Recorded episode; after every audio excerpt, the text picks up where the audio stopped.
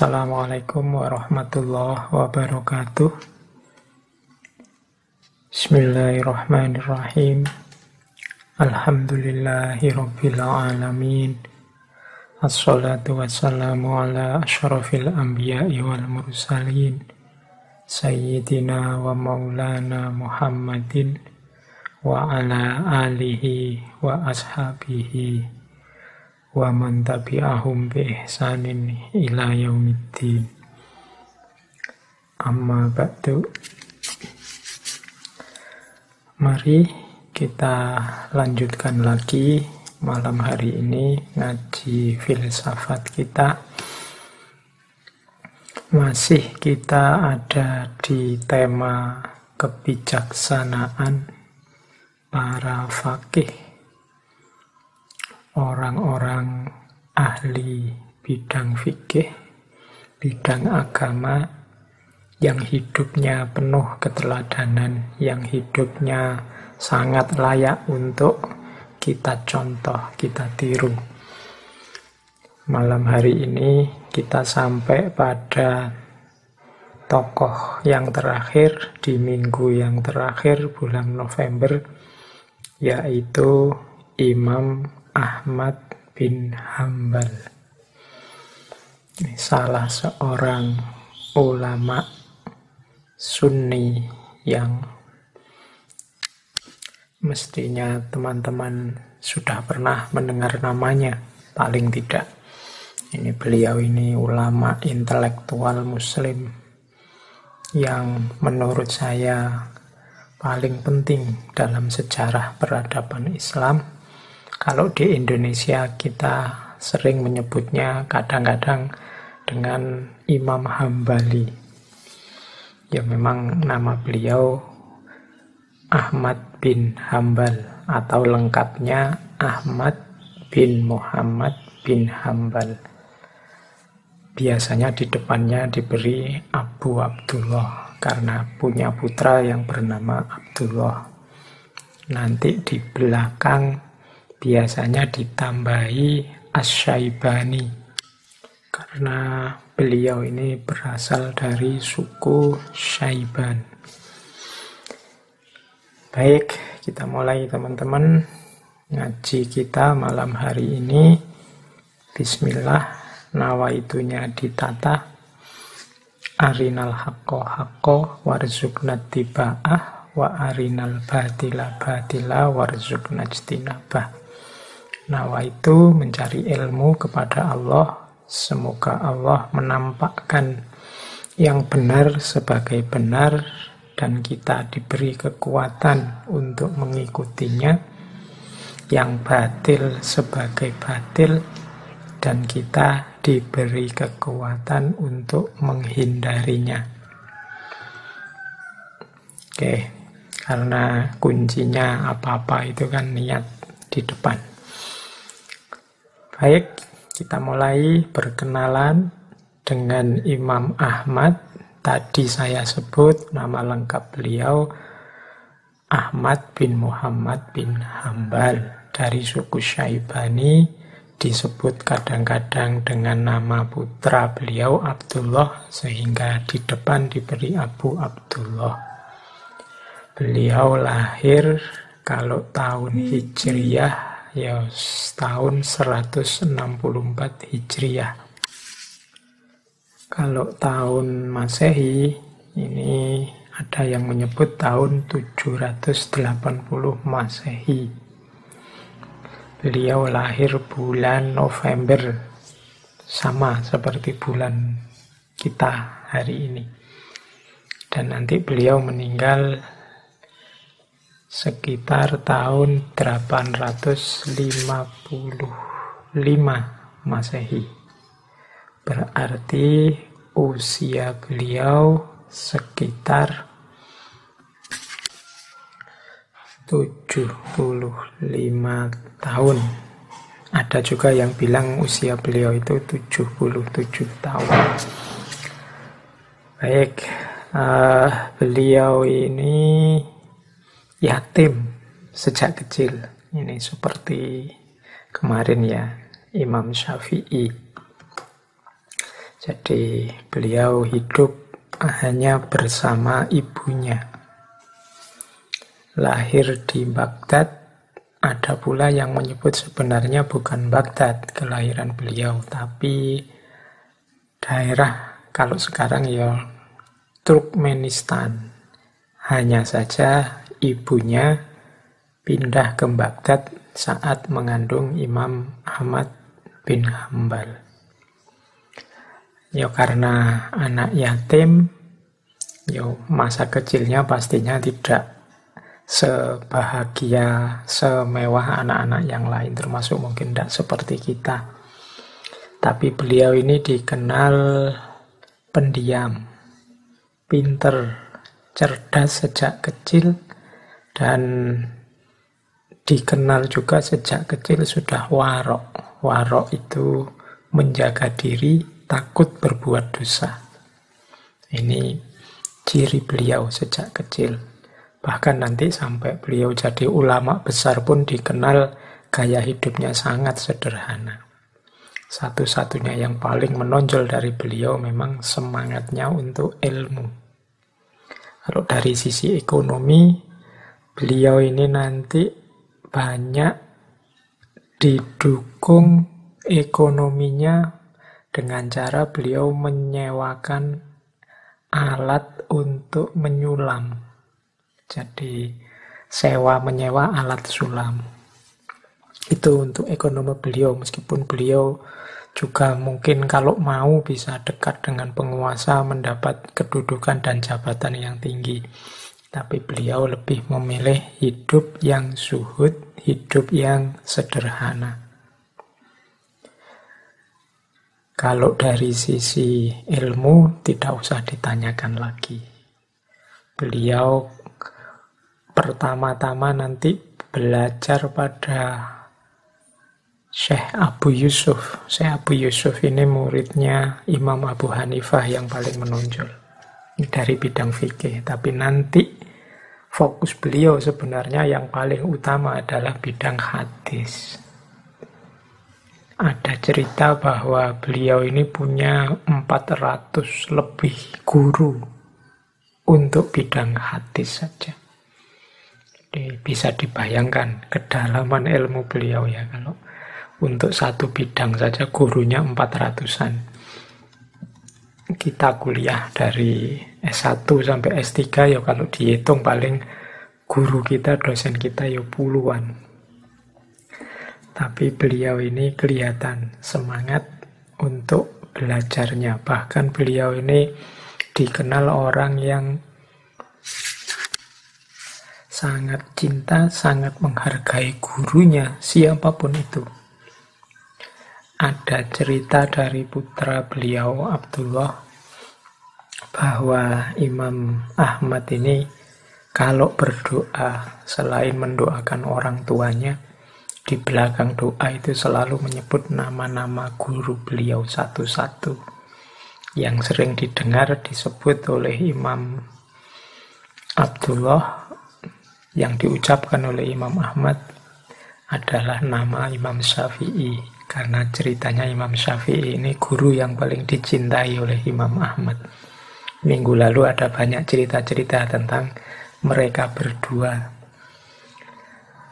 Oke, apalagi informasi tentang beliau ah ya beliau punya satu masterpiece karya kitab hadis yang luar biasa yaitu Al-Musnad Al-Kabir karena beliau memang expertnya di bidang hadis. Kitab ini isinya tidak kurang dari 27.000 hadis yang disusun dengan sistematika sanad. Nah, ini salah satu karya yang monumental dalam dunia hadis. Bahkan kabarnya beliau ini hafal satu juta hadis. Ini kalau ini saya tidak yakin ya kita bisa niru apalagi yang malam ini ikut ngaji lah usianya sudah berapa untuk kita hafal 10, 20 hadis, 40 hadis, arba'in itu sudah luar biasa. Tapi beliau ini hafal 1 juta hadis. tidak terbayangkan bagaimana dulu beliau mengelola waktunya. Padahal waktu para ulama besar ini kan ya sama kayak kita, 24 jam. Imam Ahmad ini umur 15 tahun hafal Al-Quran dan nanti hafal satu juta hadis. Loh itu kita kita yang tidak hafal itu mungkin bayangkannya ini mesti setiap hari mulutnya hafalan terus. Ya mungkin begitu yang jelas menunjukkan bahwa beliau-beliau para ulama ini memang serius mengabdikan hidupnya untuk ilmu dan kemaslahan kemaslahatan umat tentunya. Jadi itu dari sisi intelektual. Kalau dari sisi fikih ya nanti beliau akhirnya diikuti banyak orang dengan satu madhab khusus fikih yang kita kenal sebagai madhab hambali. Nah, ini beliau ini guru-gurunya dari semua madhab sebelumnya. Tadi kan ada Abu Yusuf dari Imam Abu Hanifah dari madhab Hanafi. Kemudian secara langsung juga belajar dari Imam Syafi'i. Nanti beberapa gurunya juga alirannya Maliki. Dan Imam Ahmad ini meng, melakukan improvisasi mengembangkan madhab-madhab sebelumnya yang nanti lahirlah namanya madhab hambali. Meskipun gurunya Imam Syafi'i, beliau punya gaya sendiri yang sedikit berbeda dengan Imam Syafi'i, khususnya pada penekanan aspek hadis. Tidak kesusu menggunakan akal. Ada cerita juga beliau ini sangat ahli di bidang bahasa dan sastra. Di bidang Al-Quran juga begitu. Beliau dikenal ahli dalam bidang nasih wal mansuh. Beliau juga mengembangkan gaya kiroat yang berbeda. Ini mahasiswa tafsir silahkan dipelajari. Imam Ahmad ini dikenal kalau gaya kiroatnya beliau tidak suka kalau berlebih-lebihan memanjang-manjangkan bacaan Hamzah. Silahkan diteliti yang mahasiswa tafsir, yang tentang fikih ya monggo mahasiswa syariah, mahasiswa fikih, mahasiswa hukum bisa menggali pemahaman beliau ini. Ya malam hari ini kita mengkaji beliau dari sisi hikmah, dari sisi kebijaksanaan-kebijaksanaan hidup. Sesuai tema kita kan memang temanya ngaji filsafat bidang yang berbeda monggo digali lebih intensif oleh para ahlinya masing-masing. Nah, hanya saja tentang Imam Ahmad ini di babak-babak akhir kehidupan beliau mengalami beberapa ujian yang menyakitkan. Jadi beliau ini dengan pemahaman beliau nanti berbeda pandangan dengan dinasti dengan kekhalifahan saat itu. Yang saat itu khalifahnya adalah Al-Ma'mun. Nah, khalifah Al-Ma'mun ini madhab resminya Mu'tazilah. Dan nanti bertentangan dengan beberapa pandangannya Imam Ahmad. Nanti Al-Ma'mun ini melakukan namanya mihnah. Mihnah itu uji keimanan uji kepercayaan. Jadi para ulama yang pandangan-pandangannya berlawanan dengan pandangannya negara yang resmi akan dihukum, dieksekusi. Nah, Imam Ahmad termasuk dari para ulama yang beberapa pandangannya berbeda. Khususnya yang paling terkenal sekali pandangan beliau tentang Al-Quran. Kalau menurut Al-Ma'mun dan dinastinya saat itu, Al-Quran itu makhluk. Tapi Imam Ahmad bin Hambal tidak mau disuruh mengikuti pandangan ini. Bagi beliau, Al-Quran itu ya hakikatnya kalamullah, bukan makhluk. Ini diskusi-diskusi ilmu kalam.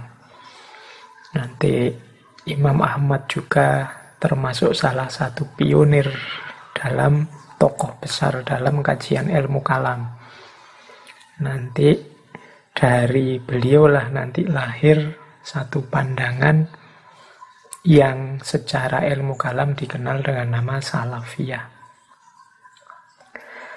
Nah, dengan bedanya pandangan ini akhirnya Imam Ahmad dipenjara, disiksa.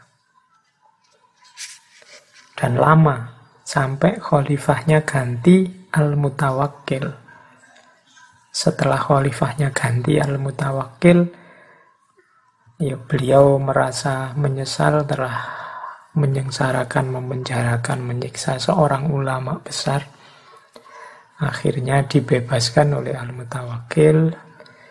Kemudian beliau pulang ke rumah tapi sudah ya kalau bahasa kita beliau sudah sakit-sakitan.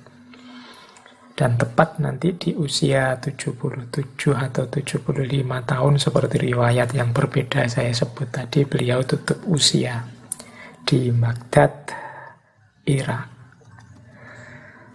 Baik. Wah agak panjang ya saya cerita tentang riwayat hidup beliau. Ya biar teman-teman kenal.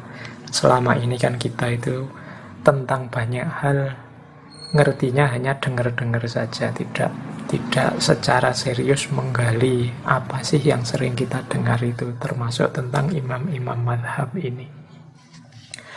Baik, kita mulai kajian kita tentang kebijaksanaan seorang Imam Ahmad bin Hambal. Guru beliau sendiri, Imam Syafi'i, menyatakan kekagumannya terhadap muridnya ini. Kata Imam Syafi'i, Imam Ahmad bin Hambal ini adalah imam dalam delapan bidang sekaligus. Imam dalam delapan hal. Oh ini luar biasa kan. Biasanya ahli itu expert di satu bidang. Tapi beliau ini katanya Imam Syafi'i ahli dalam delapan bidang. Yang pertama imam hadis. Kalau ini tidak diragukan lagi. Yang kedua, imam fikih. Terus imam bahasa, karena keahlian dalam bahasa Arab. Terus imam Al-Quran. Keahlian beliau dalam bidang tafsir Al-Quran. Imam dalam hal kefakiran. Ini yang bagian-bagian terakhir ini imam ranahnya tasawuf. Kefakiran itu berarti beliau orang yang merasa cukup, tidak butuh dunia lagi. Satu-satunya yang beliau butuhkan hanya Allah saja. Makanya istilahnya fakir. Para ulama dulu sering menyebut diri mereka dengan kalimat al-fakir.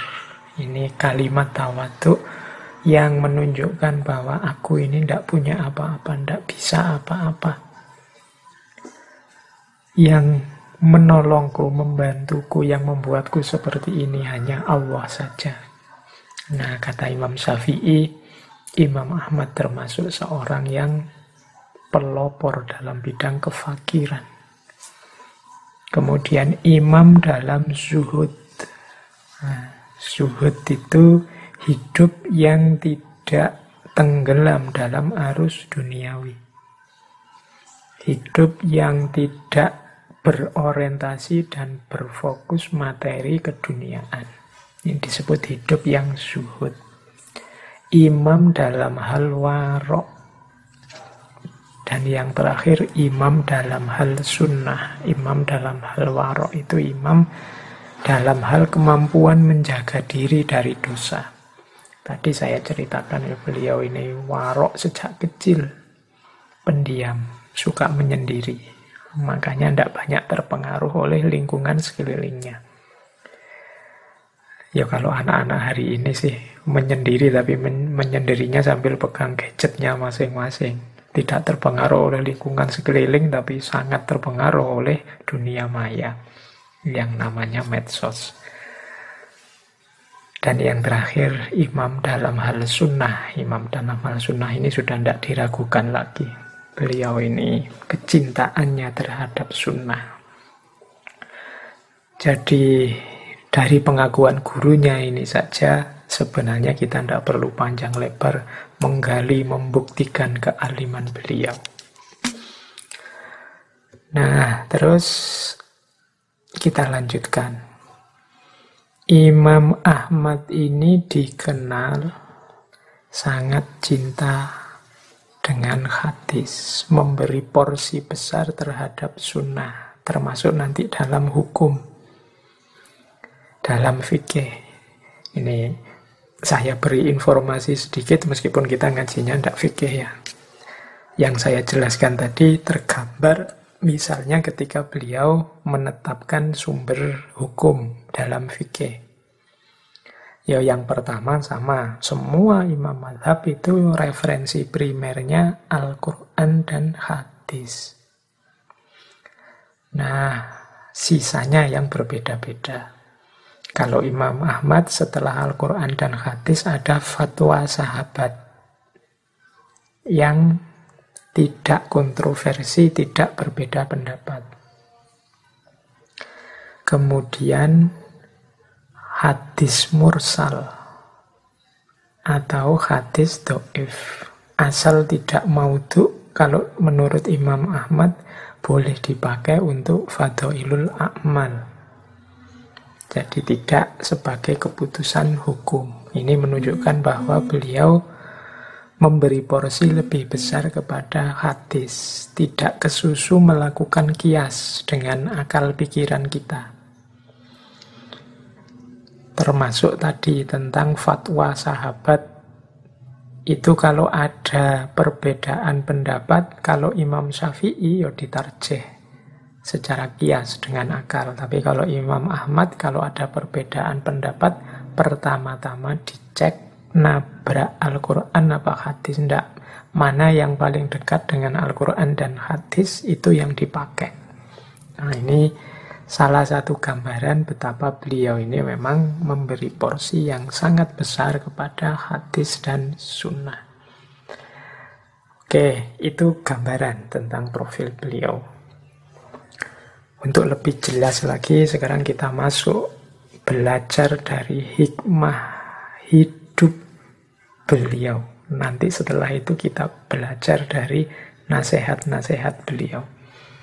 Kita belajar cara hidup seperti apa sih yang melahirkan orang besar sebesar Imam Ahmad ini.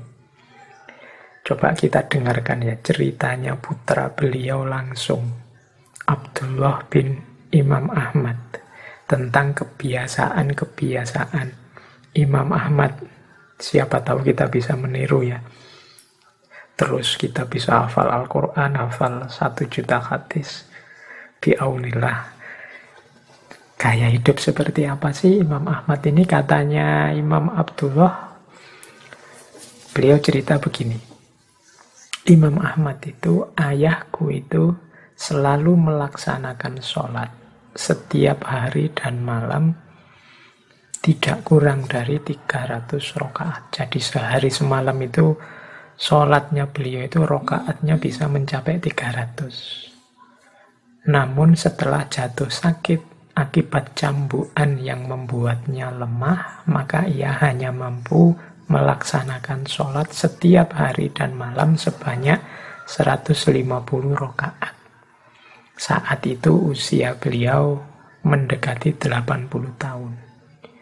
Jadi di antara kebiasaannya Imam Ahmad itu sholat sehari semalam kalau dihitung rokaatnya bisa nyampe 300. Tapi setelah beliau mengalami siksaan akibat mihnah tadi, tubuh beliau mulai tidak fit lagi sehingga kuatnya hanya separuhnya.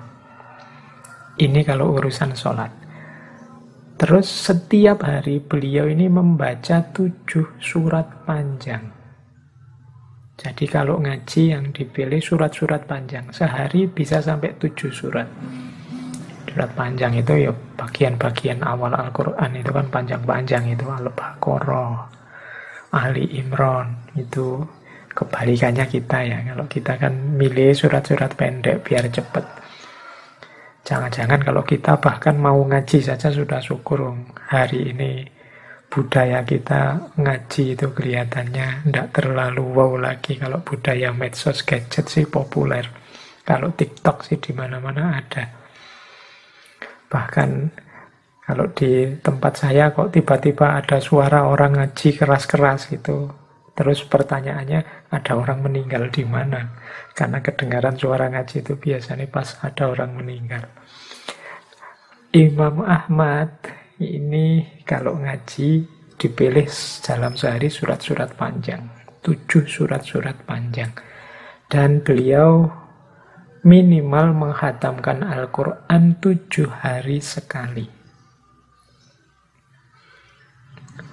Jadi itu kebiasaan beliau ini minimalnya dalam tujuh hari sekali. Kalau kita kan bisa menghatapkan Al-Quran setahun sekali. Biasanya pas Ramadan. Itu pun tidak selalu sukses. Sering-sering hanya niatnya saja menghatamkan terus tidak nyampe. Oke, jadi itu kebiasaan beliau. Kemudian malam hari beliau ini seperti gurunya. Malam hari itu dibagi tiga. Kalau Imam Ahmad setelah sholat isya sekitar satu jam, kemudian beliau tidur ringan, tidur sebentar, kemudian bangun, sholat, dan sampai pagi melakukan aktivitas mujahadah, berdoa, mendekat kepada Allah. Ini malam-malam beliau. Itu kalimat yang terakhir itu tadi sedikit saya singgung. Aku pernah mendengar ayahku pada waktu sahur berdoa untuk satu kaum dengan menyebut nama-namanya. Ia banyak berdoa dan menyembunyikannya. Jadi ini cerita putra beliau bahwa Imam Ahmad ini suka mendoakan orang, meskipun orangnya tidak tahu. Jadi kebalikannya kita ya, kalau hari ini kita banyak sekali pamer akan mendoakan orang. Ada temannya pergi, ya saya doakan semoga selamat di jalan. Ada temannya melakukan apa, ya saya doakan. Tapi kalimat yang kita ucapkan ini sering kali basa-basi. Kita tidak secara serius akan mendoakan dia. Setelah itu kan kita tidak terus setelah sholat kita doakan, ya Allah, semoga teman saya yang tadi dalam perjalanan selamat. Kemungkinan kita yang tidak melakukan itu. Tapi kalau Imam Ahmad sebaliknya. Jadi beliau meskipun tidak menyebut akan mendoakan, tetap beliau semangat mendoakan orang lain dan disembunyikan. Kemudian kebiasaan lagi dari Imam Ahmad, beliau ini suka memperbanyak puasa. Jadi puasa terus menerus berpuasa itu kebiasaan beliau. Senin Kemis ayamul bid itu tidak pernah ketinggalan 13, 14, 15 bahkan setelah mengalami siksaan luar biasa gara-gara mihnah ceritanya Abdullah bin Imam Ahmad ini. Beliau puasa terus sampai meninggal. Nah, ini kebiasaan pribadi beliau. Baik biar nanti malam ini dapat banyak. Saya lanjutkan. Kebiasaan ilmiah. Kita teladani hidup beliau. Kebiasaan ilmiah ini saat beliau menjadi guru di dunia ilmu, saat beliau mengajar pada murid-muridnya. Apa yang beliau lakukan, kebiasaan-kebiasaan beliau. Pertama, nah ini saran dari Imam Ahmad saat belajar dimohon menjauhi banyak canda. Tidak terlalu banyak guyon. Mengapa begitu? Ya karena Imam Ahmad ini bidangnya sunnah. Kata Imam Ahmad, meriwayatkan sunnah, belajar tentang sunnah itu bagian dari ibadah. Dan kalau kita ibadah kan ya kalau bisa ndak sering-sering bercanda. Ya sedikit-sedikit mungkin menghilangkan kejenuhan sebentar ndak apa-apa bercanda. Tapi kalau terlalu banyak candanya nanti aura ilmunya hilang. Cahaya keilmuannya bisa jauh. Jadi cari ilmu ayo, memperdalam ayo. Mungkin sedikit-sedikit ada guyonnya, ada candanya, tapi jangan fokus ke situ saja. Karena kita ini mencari ilmu, belajar. Ya mungkin kalau bahasa hari ini ya ini belajar bukan stand up. Kalau stand up ya memang isinya full canda, tapi kalau belajar ya ndak. Nah ini nasihat dari Imam Ahmad, biar cahayanya ilmunya ndak hilang. Kan ada beberapa riwayat itu yang menyatakan orang yang banyak tertawa bisa keras hatinya. Jadi tertawa boleh, sebentar bersenda gurau boleh, biar tidak keras hatinya. Terlalu banyak tertawa juga mengeraskan hati. Jadi yang biasa saja, normal saja. Nah, yang pertama itu, jadi kebiasaannya Imam Ahmad. Jadi kalau teman-teman belajar nyantri ke Imam Ahmad, yo jangan menunggu beliau akan banyak bercanda. Nanti kalian mengeluh, iki wah iki serius tenan, ini ndak ada dagelannya sama sekalian. Karena bagi beliau ini ibadah. Kurang sopan kalau ibadah banyak bercandanya. Ini Imam Ahmad. Terus Beliau punya kebiasaan hanya menyampaikan hadis kalau ada orang bertanya. Kalau tidak ada yang bertanya, ya beliau diam, tidak menyampaikan apa pun. Nah ini kebiasaan ilmiah. Jadi beliau tidak mengobrol hadis, tidak mengobrol ilmu, apalagi pamer. Kalau ada orang tanya, dijawab hadisnya ini, referensinya ini. Tapi kalau tidak ada orang tanya, ya sudah beliau karena seperti kata-katanya Imam Ghazali di Miskatul Anwar itu. Ini Imam Ghazali ya yang kemarin minggu lalu saya sering selip ngomong Imam Ghazali padahal maksudnya Imam Syafi'i. Kalau ini Imam Ghazali beneran. Jadi kata Imam Ghazali, memberi ilmu pada orang-orang yang tidak butuh, yang mengabaikan ilmu, itu seperti menelantarkan ilmu. Jadi mungkin Imam Ahmad juga punya prinsip seperti itu. Kalau orangnya tidak butuh, saya beritahu, ilmunya mesti sia-sia. Wong dia tidak merasa butuh. Tidak merasa ingin mendapatkan. Jadi Akhirnya ilmunya terlantar, tidak ada yang ngopeni. Jadi mending kalian butuh apa, saya beri apa.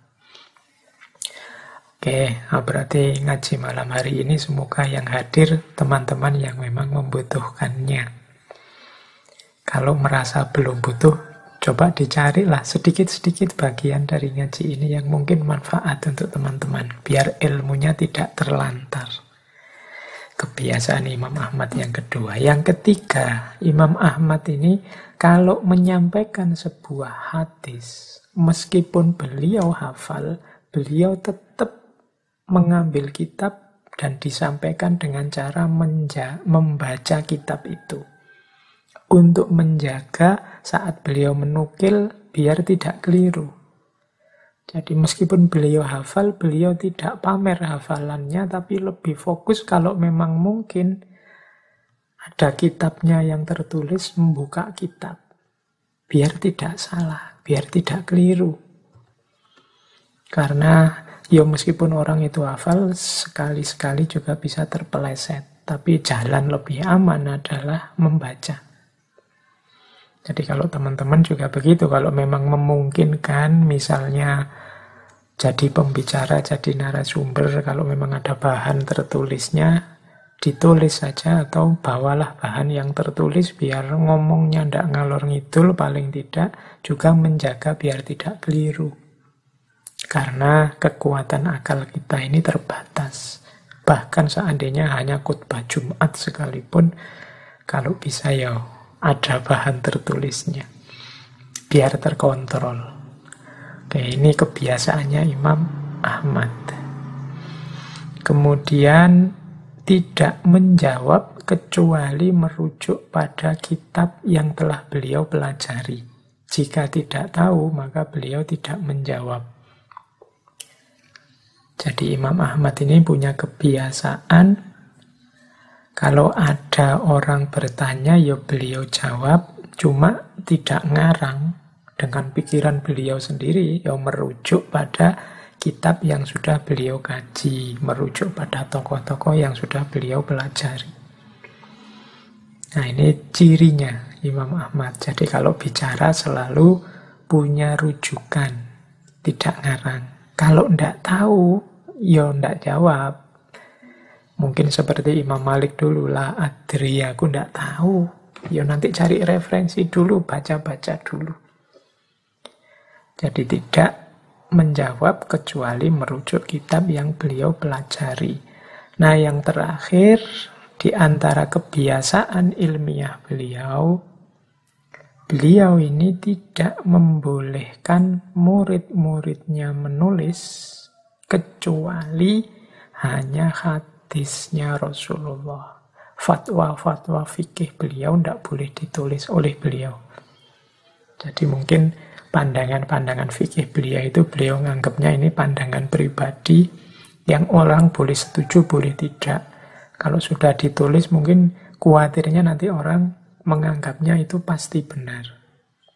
Nah ini di antara ketawaduan beliau. Tulislah yang memang asli sumbernya dari Rasulullah bukan yang pendapatku. Fatwa itu kan bagaimanapun ijtihadnya beliau. Ini ketawaduan beliau. Tapi apa ndak boleh Pak kita mengikuti fatwa-fatwa beliau? Ya boleh justru menunjukkan kita sadar diri. Wong ulama sebesar Imam Ahmad saja setawadu itu apalagi kita yang tidak ada apa-apanya. Kalau dalam hal memahami hukum, membaca Al-Quran, memahami hadis, insya Allah beliau ini sudah tidak ada tandingannya, apalagi ditandingkan dengan kita. Maka kalau kita mengikuti fatwa beliau itu bukan sesuatu yang tercela atau aib, tapi justru manusiawi masuk akal dan memang seharusnya begitu kalau kita sadar diri. Jadi kita mengikuti Imam Syafi'i, mengikuti Imam Ahmad, Imam Malik, Imam Abu Hanifah itu bukan berarti menunjukkan kita tidak independen atau kita tidak mau berusaha sendiri, tapi menunjukkan kesadaran bahwa kita ini tidak level kalau dibandingkan mereka. Ya tetap kita kaji, kita pelajari, kita cari dalil dasar pemikiran mereka. Itu di antara penghormatan kita kepada mereka. Meskipun mereka sendiri bilang, ya kalau ada pikiranku yang kalian tidak cocok, tidak cocok dengan sunnah dan hadis, tinggalkanlah. Itu bagi saya bukti ketawaduan beliau-beliau justru menunjukkan keulamaan, kecendekiawaan mereka. Baik, ada satu lagi keistimewaan dari Imam Ahmad. Tadi saya bilang beliau ini pendiam, suka menyendiri. Nanti sampai tua sebenarnya ada sesuatu yang sangat menggelisahkan beliau yaitu popularitas. Jadi beliau ini sangat gelisah dengan popularitas beliau sendiri. Ini berlawanan dengan kita ya. Kita hari ini kan mengejar populer, mengejar viral, mengejar like, mengejar komen, mengejar retweet, mengejar popularitas. Tapi Imam Ahmad kebalikannya ada beberapa quotes yang saya bawa dari Imam Ahmad tentang popularitas ini. Saya bawa empat di antaranya. Yang pertama, saya ingin bersembunyi di lembah Mekah hingga saya tidak dikenal. Saya ini diuji dengan popularitas. Jadi popularitas bagi Imam Ahmad ternyata ujian. Kalau kita kan sering kali popularitas ini tujuan. Kalau ada orang tidak kenal kita, kalau ada orang tidak ngerti kita, kita datang orang cuek itu kan kita tersinggung, kita marah. Tapi Imam Ahmad malah kalau bisa saya ingin bersembunyi di lembah Mekah. Yang kedua, berbahagialah orang yang dijadikan Allah tidak terkenal. Wah ini Saya dan teman-teman harusnya bahagia ya. Kita kan bukan orang terkenal. Kita orang biasa-biasa saja semuanya. Meskipun diam-diam kita memendam hasrat untuk terkenal. Mungkin lewat medsos, mungkin lewat tampilan-tampilan kita atau gaya kita di depan orang lain. Tapi sebenarnya kita tidak dibuat populer oleh Allah itu membahagiakan. Yo, ureanya panjang. Nanti teman-teman seandainya ada di antara kita hari ini yang terkenal, silahkan dirasakan nanti repotnya orang terkenal. Sumpetnya orang terkenal.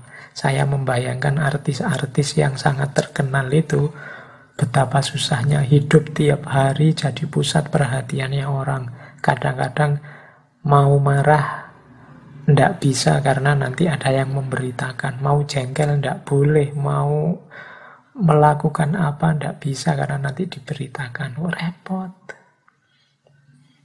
Jadi berbahagialah orang yang dijadikan Allah tidak terkenal.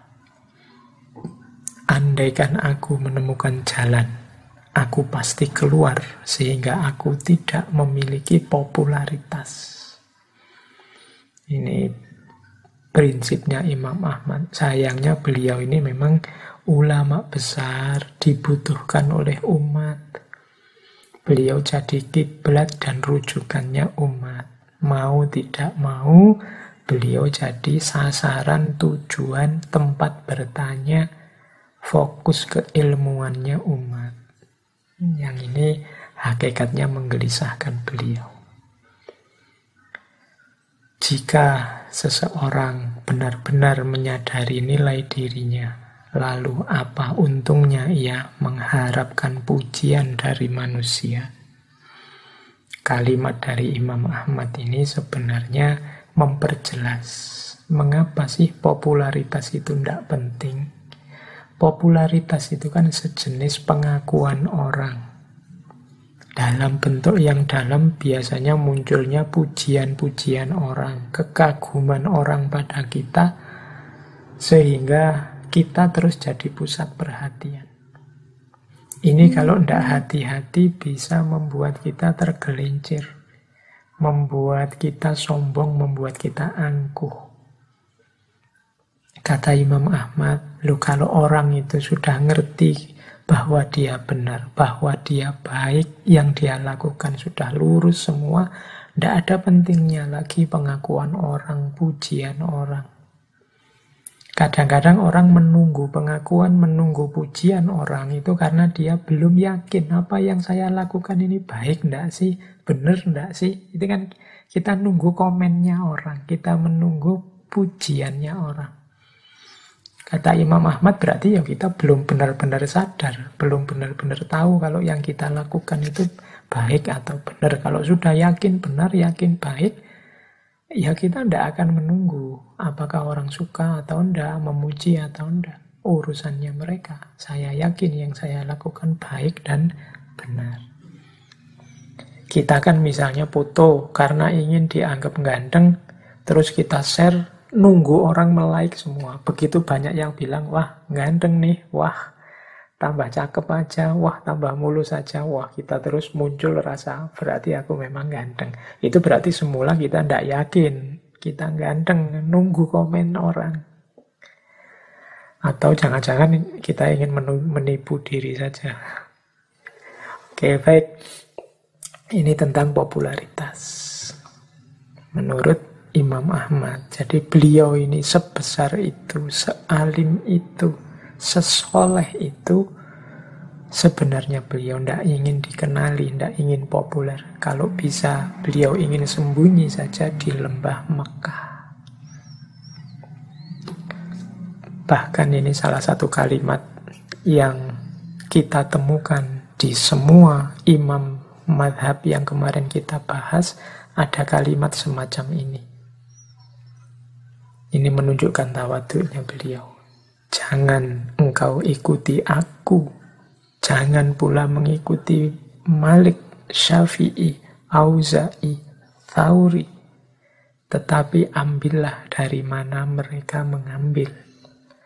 Barang siapa yang menolak hadis Rasulullah Shallallahu Alaihi Wasallam, maka sesungguhnya ia telah berada di ambang kehancuran. Jadi ini Imam Ahmad sebagaimana Imam Abu Hanifah dulu, sebagaimana Imam Malik dulu, sebagaimana Imam Syafi'i kemarin menyatakan bahwa aku ini manusia biasa, engkau tidak boleh mengikuti aku. Mencontoh mungkin boleh, itu kalau pakai bahasa saya. Tapi jangan mengikuti, yang kita ikuti hanya Allah dan Rasulullah. Ya ini ketawaduan beliau, seperti saya bilang tadi. Nah, harusnya dilanjutkan dengan ketahu dirian kita. Jadi, kita ini tidak taklid pada Imam Ahmad, tidak taklid pada Imam Syafi'i, tapi kita mengikuti pandangan Imam Ahmad, mengikuti pandangan Imam Syafi'i tentang Al-Quran dan hadis, karena kita tahu beliau-beliau ini yang lebih ahli, kapasitasnya jauh lebih mumpuni dibandingkan kita. Jadi mereka tawadu, kita tahu diri. Oke, jadi ini prinsip dari penjelasan beberapa tadi mungkin teman-teman sudah bisa menggambarkan sosok alim dan soleh yang seperti apa Imam Ahmad itu. Baik, kita cari hikmah yang lain dari kehidupan Imam Ahmad yang paling terkenal seperti saya bilang tadi dari Imam Ahmad adalah kesungguhan beliau dalam ilmu. Banyak sekali cerita-cerita tentang bagaimana seriusnya beliau mencari ilmu. Ada satu cerita, satu ketika Imam Ahmad ini yang sudah tua, yang usianya sudah 70-an, terlihat sedang berjalan membawa buku, membawa tinta, membuntuti seorang syekh. Terus disapa oleh seseorang, "Wahai Abu Abdillah, sampai kapan engkau melakukan hal seperti ini? Padahal engkau sudah menjadi imamnya kaum muslimin." Beliau berkata, "Bersama tempat tinta sampai kuburan." Nah, ini kalimatnya bisa teman-teman jadikan jargonnya untuk semangat belajar. Bersama wadahnya tinta sampai kuburan. Berarti semangat belajar yang tidak putus. Kalau bahasanya hadis, minal mahdi ilal lahdi. Dari buayan sampai liang lahat. Kata Imam Ahmad dalam salah satu quotes tentang beliau, manusia lebih membutuhkan ilmu dibandingkan makan dan minum. Karena dalam sehari seseorang hanya membutuhkan makan minum satu atau dua kali saja, sementara ia membutuhkan ilmu dalam setiap helaan nafasnya. Oh, ini quotes ini bagus, tapi jangan-jangan kebalikannya kita ya. Kita setiap detiknya yang dipikir makanan, kalau untuk ilmu sehari satu dua kali saja. Tapi kalau Imam Ahmad, makan itu kan satu dua kali saja sehari cukup. Tapi kalau ilmu setiap helaan nafas. Imam Ahmad ini mengembara ke mana-mana mencari ilmu dari Baghdad ke Basro, dari Basro ke Kufah, dari Kufah ke Hijaz, dari Hijaz ke Yaman. Semua ulama beliau kunjungi bertahun-tahun. Di Hijaz ada cerita beliau ini sampai lima tahun. Mengejar hadis-hadis. Beliau tidak mencukupkan diri hanya dari kitab atau buku, tapi beliau ingin ketemu langsung dengan ulamanya. Ada cerita suatu ketika beliau ini bertemu seorang gurunya, Abdur Razak bin Humam. Ini nanti beliau dijadikan guru oleh Imam Ahmad. Ketemu di Mekah. Mestinya Imam Ahmad ini waktu ketemu bisalah mengkonfirmasi hadis-hadis yang ingin beliau konfirmasi, beliau ambil.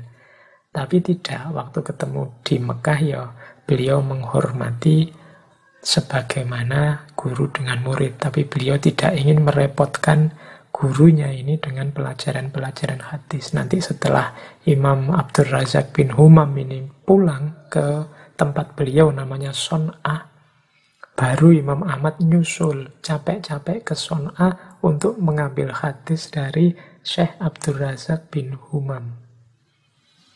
Nah ini menurut saya menunjukkan kesolehan sekaligus keseriusan beliau dalam ilmu.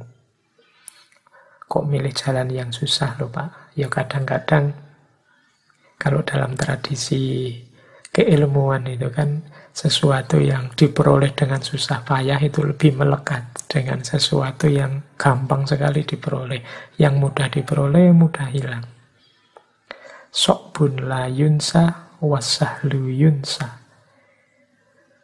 Yang sulit itu sukar dilupakan. Yang mudah akhirnya juga gampang terlupakan. Oke, ya di samping memang adabnya mencari ilmu, kan tidak mungkin ketemu guru di tengah jalan langsung diajak diskusi. Ya mencari waktu, mencari momen yang tepat, mungkin dengan berkunjung ke rumah beliau diajak ngobrol. Baik, itu di antara adabnya Imam Ahmad dan keseriusan beliau dalam mencari ilmu. Ada lagi cerita yang menurut saya cerita ini menyentuh tentang adab mencari ilmunya dan adab memberikan ilmu. Kalau tadi kan adab mencari ilmu, ini ada cerita adab beliau dalam memberikan ilmu kepada murid-muridnya ada cerita yang disampaikan oleh seorang murid beliau yang namanya Harun bin Abdullah al-Baghdadi. Jadi suatu ketika kata Harun bin Abdullah saat larut malam pintuku diketuk oleh orang. Ini sudah sepi malam hari dini hari pintunya diketuk. Terus aku bertanya, siapa? Ada suara lirih dari luar pelan sekali menjawab, Ahmad. Aku menyelidik lagi, Ahmad yang mana? Nama Ahmad kan mestinya ya banyak, nama Ahmad, nama Muhammad. Jadi beliau ini tanya, ini Ahmad yang mana? Nyaris berbisik ku dengar suara Ibnu Hambal ada suara pelan, Ahmad. Ahmad siapa? Bin Hambal. Kaget. Syekh Harun ini, subhanallah, itu guruku. Cepat-cepat dibukakan pintu. Beliau pun masuk, tapi dengan langkah yang berjingkat-jingkat, pelan-pelan. Kemudian dipersilahkan duduk. Beliau juga duduknya pelan-pelan, hati-hati agar kursinya tidak bunyi. Baru kemudian Syekh Harun tanya, Wahai guru, ada urusan penting apa? Sehingga mengunjungiku selarut malam ini. Mengunjungiku di dini hari malam ini. Beliau tersenyum. Kemudian berkata, Maafkan aku, wahai Harun. Kata beliau lembut dan pelan. Aku terkenang bahwa engkau masih terjaga kalau malam seperti ini untuk meneliti hadis di waktu semacam ini. Ku berikan, ku beranikan diri untuk datang karena ada yang mengganjal di hatiku sejak siang tadi. Jadi Imam Ahmad ini bilang, yo, aku ngerti kebiasaanmu kalau jam-jam segini engkau masih sibuk belajar. Makanya aku datang pelan-pelan karena ada yang mengganjal yang ingin aku sampaikan. Syekh Harun kaget. Apakah yang ingin disampaikan itu tentang saya, guru? Sampaikanlah, jangan ragu-ragu. Akan aku dengarkan. Nah, barulah Imam Ahmad menyampaikan nasihatnya. Maaf, wahai Harun. Tadi siang, aku lihat engkau sedang mengajar murid-muridmu engkau membaca hadis untuk mereka catat. Aku lihat saat itu mereka murid-muridmu ini ada yang tersengat oleh teriknya matahari. Sedangkan engkau teduh dinaungi oleh bayangan pepohonan. Lain kali jangan begitu, wahai Harun. Duduklah dalam keadaan yang sama sebagaimana muridmu duduk. Jadi Imam Ahmad ini mengingatkan, tadi siang aku melihat saat engkau mengajar, engkau mencari tempat yang teduh, dinaungi pepohonan, sementara banyak muridmu yang tersengat oleh matahari. Lain kali jangan begitu. Kalau memang murid-muridmu kepanasan, ya engkau harus bergabung bersama mereka. Nah, setelah itu Imam Ahmad terus pamit, pelan-pelan lagi pamitnya. Berjingkat-jingkat menutup pintu juga pelan-pelan. Nah ini Syekh Harun ini betapa takjub. Beliau menangis melihat adab gurunya. Akhlaknya yang sangat indah. Kata Syekh Harun, Beliau bisa saja menegurku di depan para murid. Toh, murid-murid juga tahu beliau guruku dan berhak untuk itu. Tetapi tidak dilakukannya untuk menjaga wibawaku. Beliau bisa saja datang sore hari setelah maghrib, setelah isya, kan lebih mudah. Tapi itu tidak dilakukannya demi menjaga rahasia dari nasihat-nasihatnya. Beliau sangat hafal kebiasaanku yang masih terjaga di larut malam. Beliau datang mengendap-endap pelan-pelan, bicara lembut, berbisik. Semua dilakukan agar keluargaku tidak tahu. Agar aku yang adalah seorang ayah dan suami tetap terjaga kehormatannya sebagai imam dan teladan di tengah keluarga. Jadi ini contoh adabnya seorang guru kepada murid. Jadi ingin mengingatkan, menasehati saja dengan cara yang paling tersembunyi, paling halus, paling tidak menyinggung perasaan. Nah ini di antara contoh mungkin yang bisa kita teladani dari seorang Imam Ahmad. Jadi, ya monggo ya kita serap sendiri cerita tadi. Kita sinkronkan dengan kelakuan kita sendiri hari ini. Semoga tidak kita pakai untuk noding orang yang tidak seperti ini. Kita jadikan bahan introspeksi saja, bukan bahan untuk menyalahkan atau menjatuhkan orang lain. Ya meskipun saya tahu hari ini banyak orang saling menasehatinya dengan cara membongkar aib secara terbuka lewat medsos-medsos. Semoga kita tidak tergolong yang seperti itu. Kalau memang kita merasa bertanggung jawab meluruskan, menasehati, coba kita ambil jalan yang lembut. Jalan yang sebagaimana ditempuh oleh Imam Ahmad tadi. Baik, terus. Nah, itu cerita tentang kepribadian Imam Ahmad bin Hambal. Ada satu cerita lagi, mungkin ini agak berbeda dengan yang tadi. Mungkin bisa juga kita ambil hikmahnya. Kalau ini hikmah yang tidak secara langsung berhubungan dengan Imam Ahmad, tapi Imam Ahmad menjadi saksinya. Jadi satu ketika, ini cerita dari Imam Ahmad bin Hambal sendiri ini. Berarti kita anggap saja ini pelajaran dari Imam Ahmad. Jadi Imam Ahmad bercerita begini. Satu hari saya tidak tahu mengapa kok ingin sekali pergi ke Basroh, Irak. Jadi mungkin semacam ilham dari Allah untuk berangkat ke Basro. Pokoknya dia tiba-tiba ingin sekali ke Basro. Ya sudah, beliau berangkat ke sana. sebagaimana kebiasaannya Imam Ahmad yang tidak ingin terkenal dan dikenal, ya beliau berangkat ke Basroh dengan modelnya sendiri, mungkin dengan baju yang sangat sederhana, tidak memamer-mamerkan gaya dan kebiasaannya biar tidak dianggap orang besar, orang soleh. Sampai di Basroh, Isya. Beliau ikut sholat di satu masjid. Setelah sholat, karena merasa capek, beliau berniat, wah ini enaknya saya istirahat di masjid ini saja ya. Terus beliau berbaring di masjid itu. Tiba-tiba didatangi oleh pengurus masjid, marbotnya atau takmirnya lah kalau hari ini ya. Melihat Imam Ahmad di situ, disapa. Syekh, mengapa kok berbaring di sini.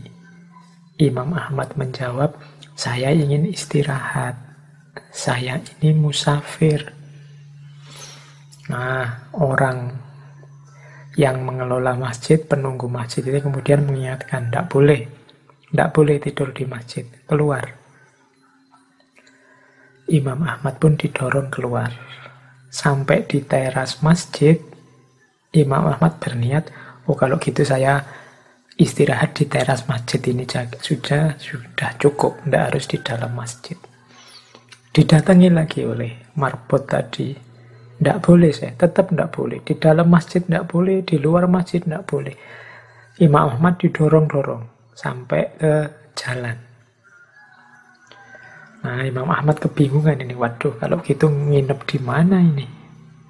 Tiba-tiba ada yang memanggil beliau seorang tukang roti yang rumahnya dekat masjid. Orang tua tukang roti ini sejak tadi sudah melihat beliau dan melihat peristiwa ketika beliau didorong-dorong ke jalan oleh marbot masjid. Karena itu dia terus memanggil Imam Ahmad, mari Syekh, sampean menginap di tempat saya saja. Saya tidak punya tempat, yang luas, tempat saya hanya kecil, tapi monggo kalau mau menginap di tempat saya. Imam Ahmad pun duduk menemani tukang roti ini. Jadi ada kebiasaan yang dilihat oleh Imam Ahmad dari tukang roti ini yang unik. Jadi tukang roti ini sambil mengolah adonan roti, yang keluar dari mulutnya selalu kalimat astagfirullah, istighfar. Kalau pas diajak ngomong oleh Imam Ahmad, ya dijawab ngomong itu. Tapi setelah menjawab, mulutnya terus istighfar lagi, istighfar lagi. Jadi orang ini mendawamkan istighfar. Terus Imam Ahmad bertanya, Syekh, sudah berapa lama sampean melakukan hal seperti ini, mendawamkan istighfar ini? Orang itu menjawab, sudah lama sekali saya menjual roti sudah 30 tahun lebih. Kira-kira sejak itulah saya mendawamkan istighfar ini. Kemudian Imam Ahmad bertanya, Ma samrotu fi'luk, apa hasilnya istiqomahmu beristighfar ini? Terus beliau bilang, ya 30 tahun lebih aku istiqomah beristighfar, tidak ada hajat yang saya minta pasti dikabulkan oleh Allah. Semua yang saya minta langsung diterima oleh Allah. Imam Ahmad bertanya, semuanya dikabulkan. Orang itu menjelaskan, semuanya dikabulkan. Kecuali satu. Ya, masih ada satu yang belum dikabulkan oleh Allah. Imam Ahmad penasaran terus bertanya, apa itu kira-kira yang belum dikabulkan oleh Allah? Aku minta kepada Allah supaya dipertemukan dengan Imam Ahmad. Wah, mendengar itu Imam Ahmad langsung takbir Allahu Akbar. Ternyata kata Imam Ahmad, yang mendatangkan aku jauh-jauh dari Baghdad sampai ke Basroh ini bahkan sampai didorong-dorong oleh marbotnya masjid, itu ternyata istighfarmu, kata Imam Ahmad. Penjual roti itu pun kaget. Allahu Akbar, dia tidak menyangka orang yang diajaknya menginap adalah ulama besar yang selama ini dirindukannya. Oke teman-teman ya, ini saya bawa cerita ini yang langsung dari Imam Ahmad untuk mendorong kita melakukan istiqomah. Bahkan amal baik yang tidak terlalu mewah seperti sholat malam yang terus-terusan atau puasa yang terus-terusan. Hanya mendawamkan istighfar saja mengundang keridoannya Allah. Makanya saya sering pesan untuk tidak berhenti-berhenti istiqomah dalam kebaikan. Pilihlah kebaikan apa pun yang tidak terlalu berat, yang tidak membebani hidupmu sampai sebegitunya, tapi lakukan dengan istiqomah. Insya Allah keseriusan kita dalam istiqomah akan mengundang ridhonya Allah. Baik, kita belajar lagi tentang hikmah dari kehidupannya Imam Ahmad. Ada satu cerita lagi yang menurut saya menarik. Ini mungkin cocok dengan beberapa fenomena kita hari ini. Satu ketika ada orang bertanya kepada Imam Ahmad. Berkata begini orang ini kepada Imam Ahmad. Jadi, semoga Allah memberi pahala kebaikan kepadamu karena jasamu kepada Islam. Jasamu untuk Islam. Ini orang ini mungkin melihat ulama besar, sumbangan pikirannya, pengabdiannya untuk agama sudah luar biasa kita harus berterima kasih kepada beliau. Nah, orang ini mungkin bermaksud mendoakan semoga Allah memberi pahala kebaikan kepadamu karena jasamu untuk Islam. Engkau sudah mati-matian mengabdi dan membela Islam. Semoga Allah memberikan pahala. Nah, disampaikan seperti ini kepada Imam Ahmad, Imam Ahmad marah. Kemudian beliau berkata, memangnya aku ini siapa? Sehingga Allah memberikan pahala kepadaku karena jasaku untuk Islam. Terbalik. Seharusnya doanya begini. Semoga Allah memberi balasan kebaikan atau kejayaan kepada Islam. Karena jasanya Islam untukku. Ini kalau dijelaskan lebih panjang, Bukan aku yang menyelamatkan Islam, terbalik Islam yang menyelamatkan aku. Bukan karena aku Islam ini jaya, tapi Islamlah yang menyelamatkan aku sehingga membuatku sebesar ini. Jadi Imam Ahmad merasa dirinya menjadi orang besar dalam tanda petik seperti saat itu itu karena jasanya Islam pertolongannya Allah bukan karena hasil upayanya sendiri. Nah ini yang menurut saya mental di antara mental tawaduk tadi. Jadi mental merasa bahwa Loh aku ini bukan apa-apa kalau tidak ada pertolongannya Allah. Aku ini bukan siapa-siapa kalau aku tidak berada di bawah naungan Islam. Hakikatnya Islamlah yang melindungiku, menunjukkanku jalan yang baik dan benar. Sehingga aku bisa jadi seperti ini. Maka doanya semoga kejayaan, kemuliaan, kebaikan untuk Islam dan para pemeluknya. Karena jasanya untukku, karena banyak hal sudah diberikan untukku. Jadi pujiannya tidak pada aku, tapi pada Allah, kepada Islam. Baik, ini ya silahkan dikontekstualkan dengan hidup teman-teman masing-masing hari ini. Karena kadang-kadang kita itu lupa. Kalau hari ini teman-teman sukses di bidang apa pun, mungkin menjadi sosok yang alim, soleh, cerdas, selamat, disukai banyak orang, apa pun situasi baik. yang teman-teman alami hari ini, yakinlah bahwa itu semata-mata karena pertolongannya Allah, karena keridoannya Allah, karena kita masuk ke dalam naungan Islam yang rahmatan lil alamin, bukan sebaliknya. Baik, ini kisah-kisah hikmah sebenarnya dari riwayat-riwayat tentang Imam Ahmad ini masih banyak kisah-kisah. Silahkan teman-teman menggali sendiri. Ada kisah yang saya ingat itu bagaimana Imam Ahmad bisa menakut-nakuti jin hanya dengan sandalnya saja.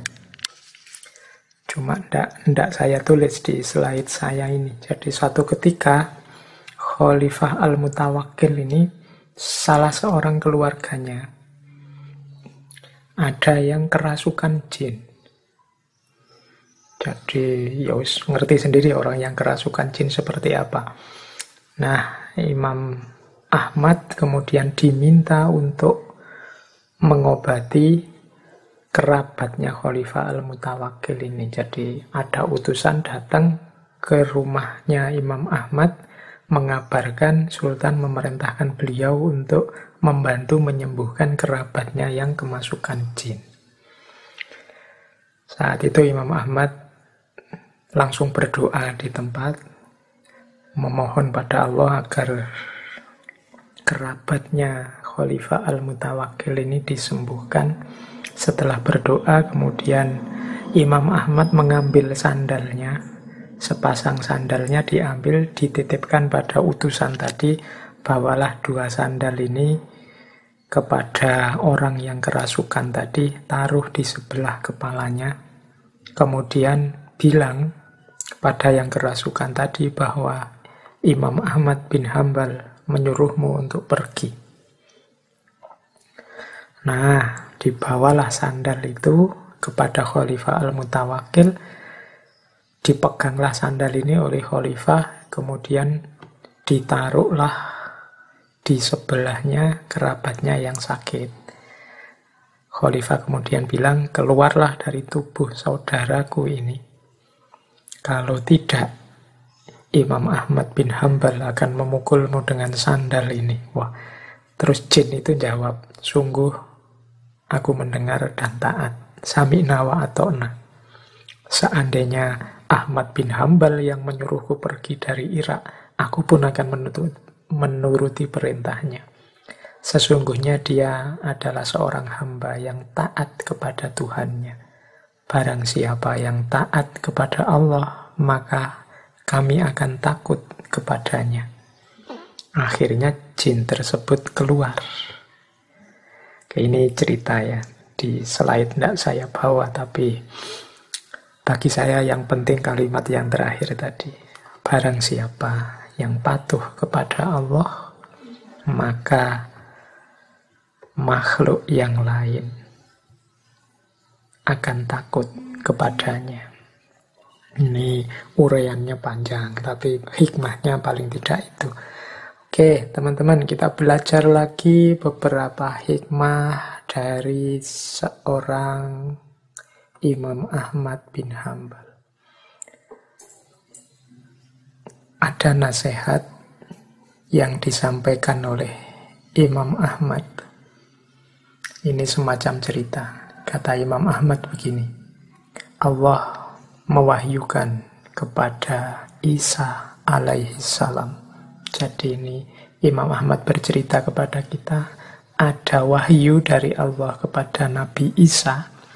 Isinya bagus, makanya malam ini saya tampilkan. Apa isinya wahyu? Jika engkau seorang diri, jagalah hatimu. Jika engkau bersama orang, jagalah lisanmu. Jika engkau berada di meja makan, jagalah perutmu. Dan engkau jika engkau berada di jalan, jagalah matamu. Itu akan memberikanmu keselamatan.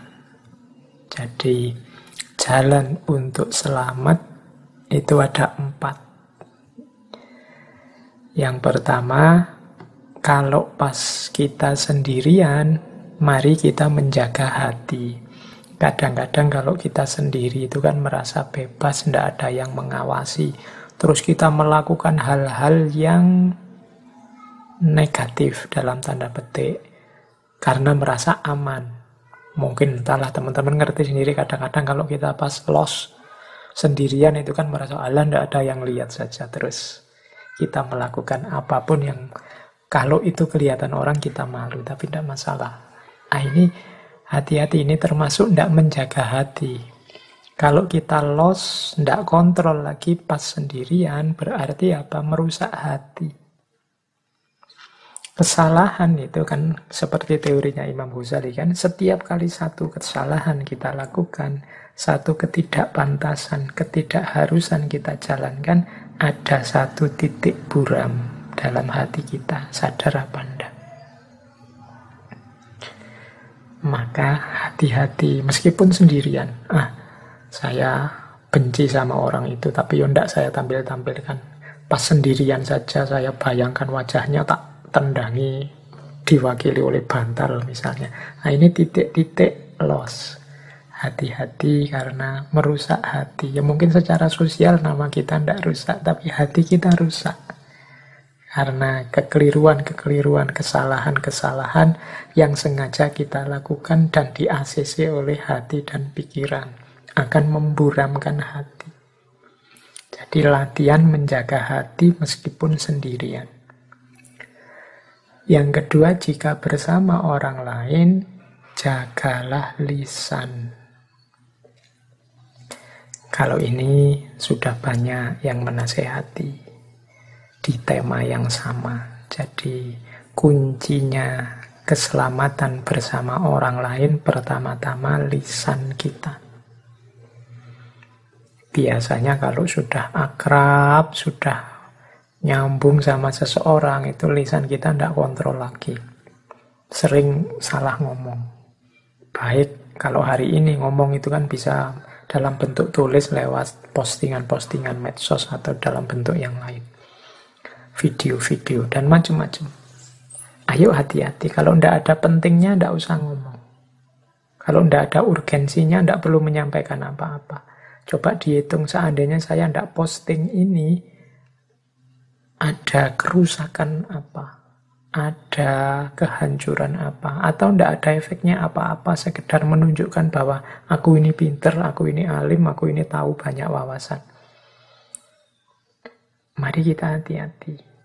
Kecuali memang urgent ini harus saya sampaikan. Kalau tidak saya sampaikan, orang akan salah memahami, orang akan tersesat, orang akan... Maka saya sampaikan dan tidak ada niat sedikit pun untuk aku memamerkan kebisaanku, kemampuanku. Dan aku sadar aku juga tidak selalu benar. Ini juga termasuk menjaga lisan. Yang ketiga termasuk menjaga lisan jika engkau berada di meja makan, jagalah perutmu. Nah, ini menjaga perut. Perut itu sering disimpulkan dengan nafsu. Kalau perut ini kita artikan nafsu, meja makan ini bisa kita artikan dunia.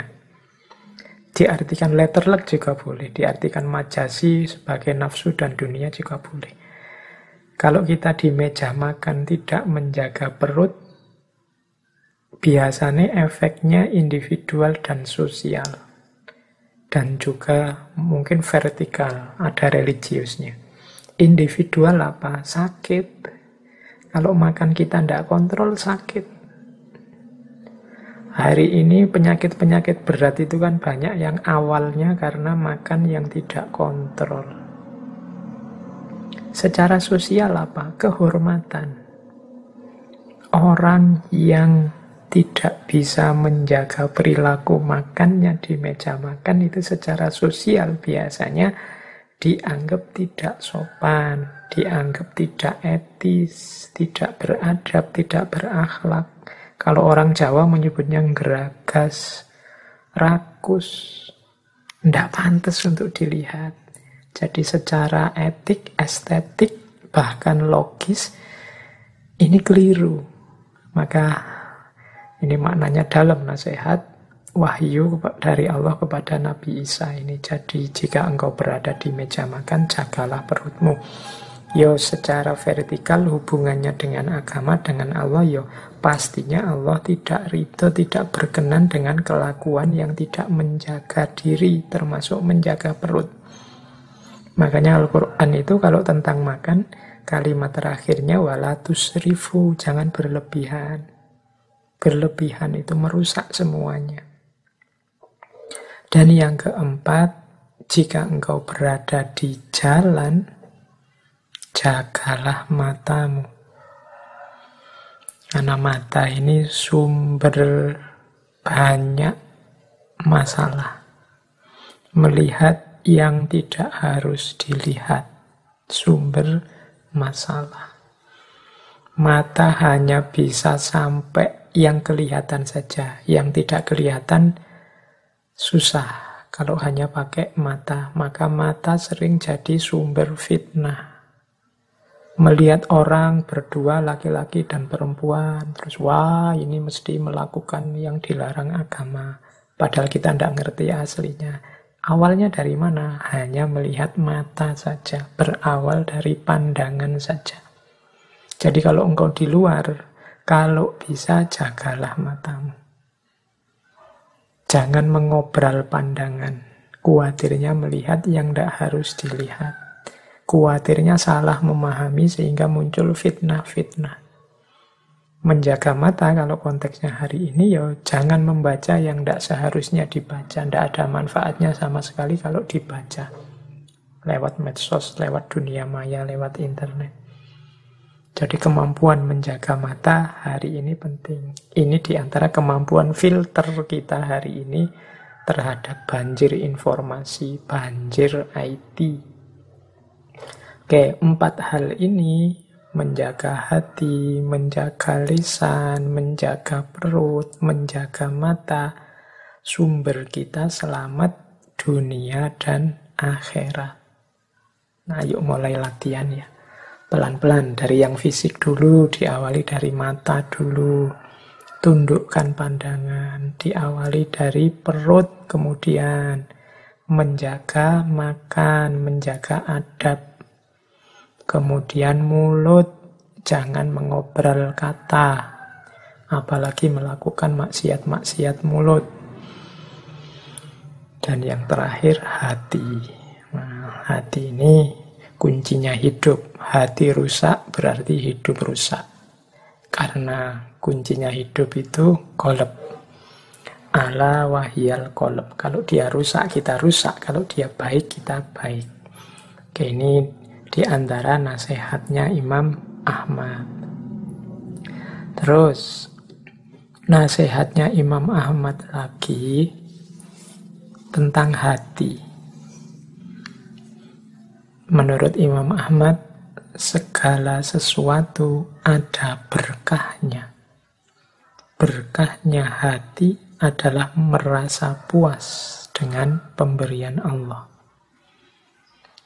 Nah ini informasi sekaligus tuntunan dari Imam Ahmad. Kalau ingin hati kita berkah. Kalau saya sering bilang semoga ilmu kita berkah. Kalau ilmu berkah itu rasanya ilmunya biasa-biasa saja tidak ada manuver-manuver yang luar biasa, pengetahuan yang sederhana saja tapi manfaatnya besar untuk hidup. Itu ilmu yang berkah. Kalau rezeki yang berkah, penghasilanku sebenarnya cuma sekecil ini. Tapi semua kebutuhanku bisa terpenuhi bahkan lebih. Nah, ini namanya rezeki yang berkah. Karena Allah mengendalikan keinginan kita tidak macam-macam sehingga yang sedikit itu jatuhnya cukup. Kalau hati, katanya Imam Muhammad, berkahnya apa? Berkahnya adalah kalau kita puas dengan semua pemberian Allah apa adanya. Hati yang berkah itu berarti manusianya ridho, manusianya ikhlas. Manusianya tidak mengeluh, senantiasa bersyukur terhadap apa pun yang diberikan oleh Allah. Berarti hati kita berkah. Nah, semoga teman-teman, ayo introspeksi ya setelah ini. Ada banyak variabel dalam hidup kita, ada banyak momen dalam hidup kita. Masih ada ndak yang kita ndak terima? Masih ada ndak yang kita komplain? Masih ada nggak yang sudah ditetapkan Allah tapi masih ganjel dalam hati kita? Yo kalau bisa kita hindari itu. Mari kita menghidupkan hati secara berkah kita merasa puas dengan pemberian Allah. Salah satu tips dari Imam Ahmad untuk membuat hati berkah adalah melembutkan hati. Cara melembutkan hati gimana? Antara lain dengan makan makanan yang halal. Ini kita bisa menerjemahkan, saya juga akan menerjemahkan makanan yang halal itu baik makanan konsumsi fisik maupun makanan konsumsi batin. Lu apa bisa pak konsumsi batin yang halal? Ya banyak. Konsumsi halal secara batin itu kan ya yang mahmudah mahmudah. Sementara yang haram secara batin yang mazmumah mazmumah. Jangan masukkan benci, jangan masukkan iri, jangan masukkan hasud, jangan masukkan nifak dalam diri kita. Itu konsumsi yang haram secara batin. Kalau yang halal secara lahir dan secara batin, teman-teman mestinya sudah ngerti. Baik haram karena zatnya maupun haram karena sebab dan efeknya. Kan ada beras itu halal, tapi kalau sebabnya mencuri beras hasil ngutil ya haram. Beras halal, cara memperolehnya baik. Berasnya sendiri juga baik. Tapi kalau dipakai untuk melecehkan orang, menghina orang, misalnya kita sodakoh beras pada orang miskin sambil mencaci makinya, ya nilainya jadi efeknya jadi buruk, jadi merusak. Yang haram-haram baik secara lahir maupun batin baik dalam zatnya dalam prosesnya dalam efeknya akan membuat hati yang keras. Hati yang keras akan membuat hati tidak berkah hati yang tidak berkah itu hati yang tidak puas dengan ketetapan dan pemberiannya Allah Nah, ayo sekarang mulai kita introspeksi. Kalau masih ada hal-hal yang kita komplain dari ketetapannya Allah, yang kita tidak ridho, tidak rela dari ketetapannya Allah, mungkin karena hati kita tidak berkah. Mengapa hati kita tidak berkah? Hati kita tidak lembut. Sehingga pemberian Allah selalu mental. Mengapa tidak lembut? Jangan-jangan yang masuk hal-hal yang tidak halal, baik secara lahir maupun secara batin. Jadi itu cara kita mengelola hati. Kemarin-kemarin saya banyak bilang tentang hati, eh tentang pikiran dan ilmu yang berkah. Sekarang Imam Ahmad mengajari kita hati juga harus berkah. Buktinya apa? Puas dengan pemberian Allah.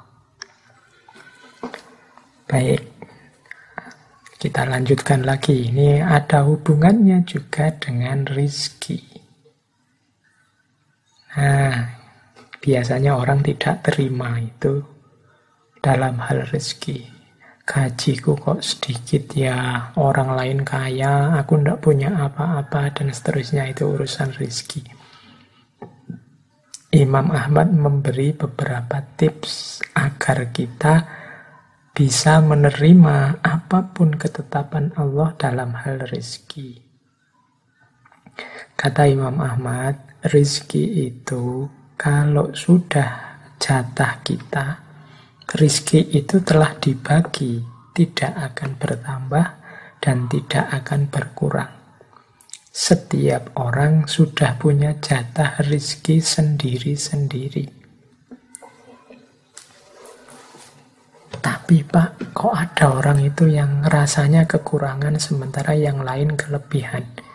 Yaitu masing-masing dengan ujiannya sendiri-sendiri. Yang kelebihan, yang merasa lebih mau ndak berbagi, yang merasa kurang mau ndak tetap ridho dan sabar.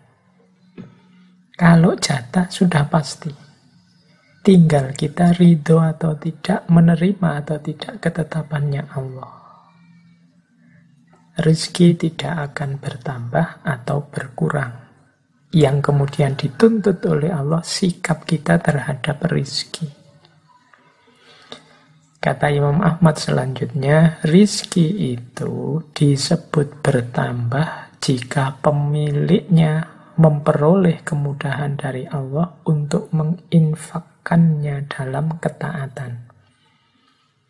Kalimat bertambah di sini bisa kita artikan barokah. Jadi rizki itu barokah kalau orang yang punya rizki dianugerahi oleh Allah kesadaran untuk berbagi menginfakkannya dalam ketaatan itu barokah. Tadi di depan saya bilang, biasanya orang mendefinisikan rizki barokah itu jumlahnya sedikit tapi rasanya tetap cukup. Ya itu juga termasuk ziyadatul khair. Tapi ada lagi parameter untuk mengukur rizki kita itu benar-benar barokah apa tidak. Yaitu katanya Imam Ahmad, kalau kita punya kesadaran untuk berbagi. Berarti barokah. Yang namanya rizki itu kan jatah kita. Tidak bertambah, tidak berkurang. Lah kok kita mau berbagi dengan orang lain, berarti rizki kita barokah. Tidak sekedar yang sedikit jadi cukup, yang cukup jadi banyak. Tapi berapapun yang kita peroleh, kita punya kesadaran untuk berbagi. Kita tidak berambisi untuk menikmati sendiri, tapi ingin orang lain juga merasakan serba sedikit apa yang kita nikmati. Oke, jadi itu wasiat dari Imam Ahmad tentang rizki. Jadi kalau rizkinya barokah, insya Allah yang masuk ke dalam diri kita juga hal-hal yang barokah. Kalau sudah yang masuk hal-hal yang barokah, hati kita akan barokah. Hati yang barokah adalah hati yang diridhoi oleh Allah. Seperti yang kita jelaskan sebelumnya. Baik, kita lanjutkan dengan wasiat-wasiat dari Imam Ahmad selanjutnya. Terus ada lagi beberapa nasihat Imam Ahmad tentang kebaikan. Suatu ketika putra beliau, Abdullah, bertanya kepada ayahnya, Wahai ayah, berikanlah wasiat untukku. Kata Imam Ahmad, Ya bunaya anwil khaira fa innaka la tazalu bi khairin ma nawaital khaira. Wahai putraku, milikilah niat yang baik. Sesungguhnya dirimu akan selalu dalam kebaikan selama engkau memiliki niatan yang baik. Ketika putra beliau meminta nasihat, Imam Ahmad memberi nasihat, kuncinya kebaikan itu ada di niat yang baik. Ini jadi kunci. Kalau niatnya sudah tidak baik, sebaik apa pun jenis perbuatannya maupun hasilnya, ya tetap nanti nilainya jadi tidak baik. Sodakoh dengan niat biar dia tahu betapa kekayaanku banyak.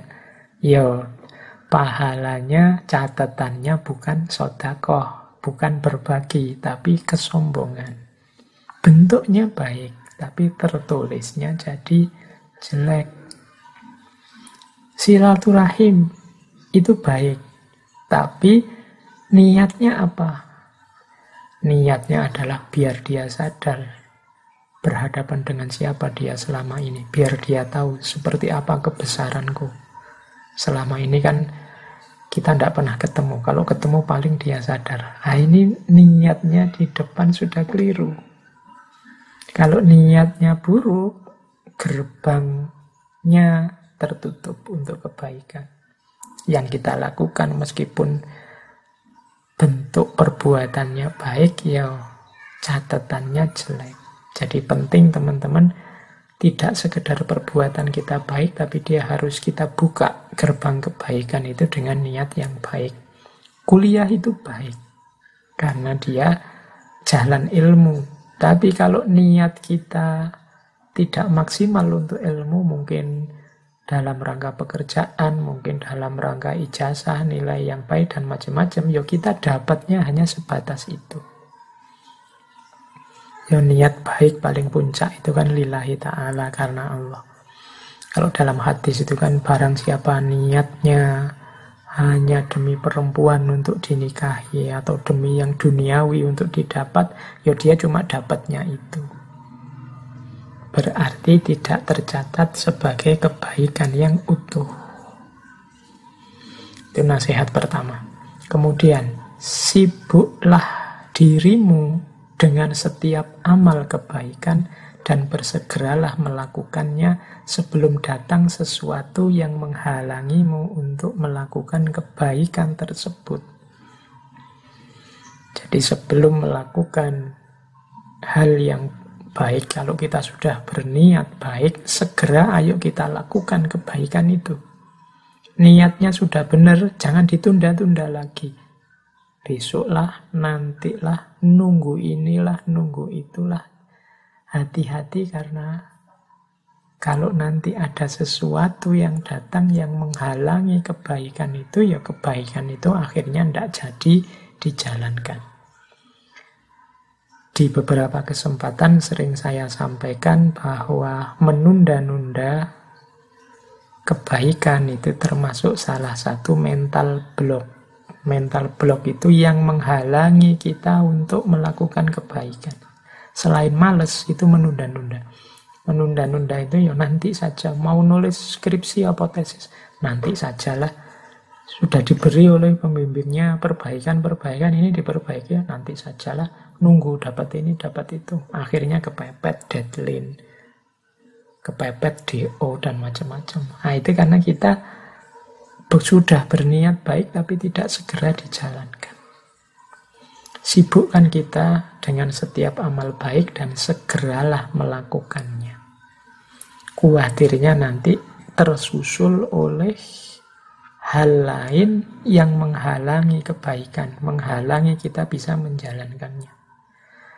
Mau sholat tahajud, besok sajalah, bulan depan sajalah, nanti sajalah, lama-lama nggak jalan. Begitu mau dijalankan kok yo badan nggak enak ini greges ini nggak jadi sudah. Sekarang ada halangan. Kemarin-kemarin waktu longgar nggak dijalankan.